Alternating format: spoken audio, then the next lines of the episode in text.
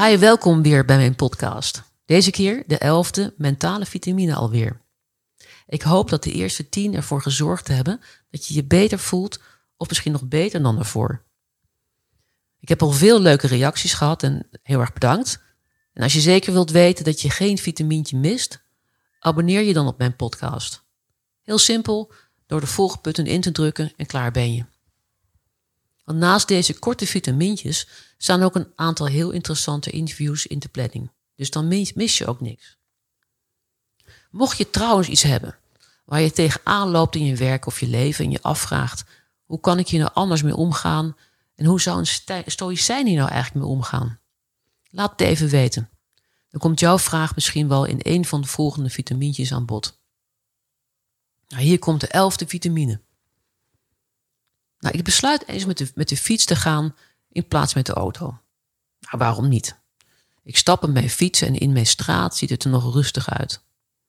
Eenmaal de hoek om slaat de wind mij in mijn gezicht ik heb moeite mijn balans en stuur recht te houden. Laat ik nou de hele weg tegenwind en regen hebben en niet zo'n klein beetje ook. Beuken is het, vijf kilometer lang. Voorovergebogen over mijn stuur, mijn voeten stevig op de trappers en daar een losgewaaide tak uitwijkend. Binnensmonds vloekend en mij afvragen waarom ik niet gewoon in de auto zit. Ja, tja. We hebben nu, nou, nu, nu eenmaal niet altijd de wind mee. Ook niet in ons leven. Een trein missen na een dag hard werken. Urenlang in een file zitten op weg naar een belangrijke afspraak. Alle potentiële klanten die afhaken. Of helemaal geen potentiële klanten kunnen vinden teruglopende omzetcijfers na maandenlange stijging. Nou ja, zo kan ik wel een tijdje doorgaan. We hebben er natuurlijk dagelijks mee te maken. Groot en klein, van een licht windje tot een storm. En meestal zetten we ons schap bij tegenwind.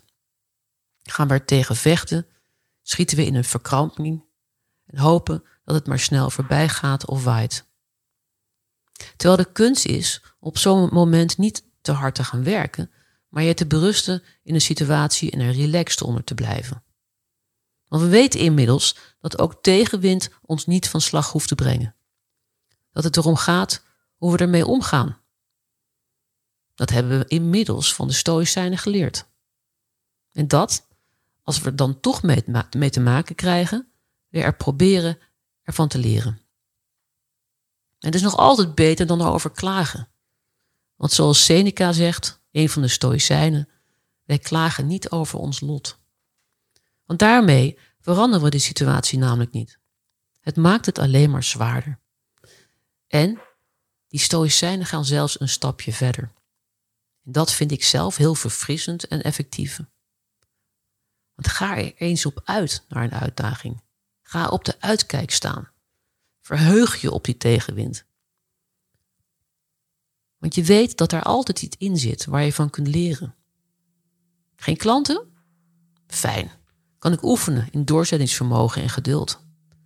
De trein missen of urenlang in de file zitten?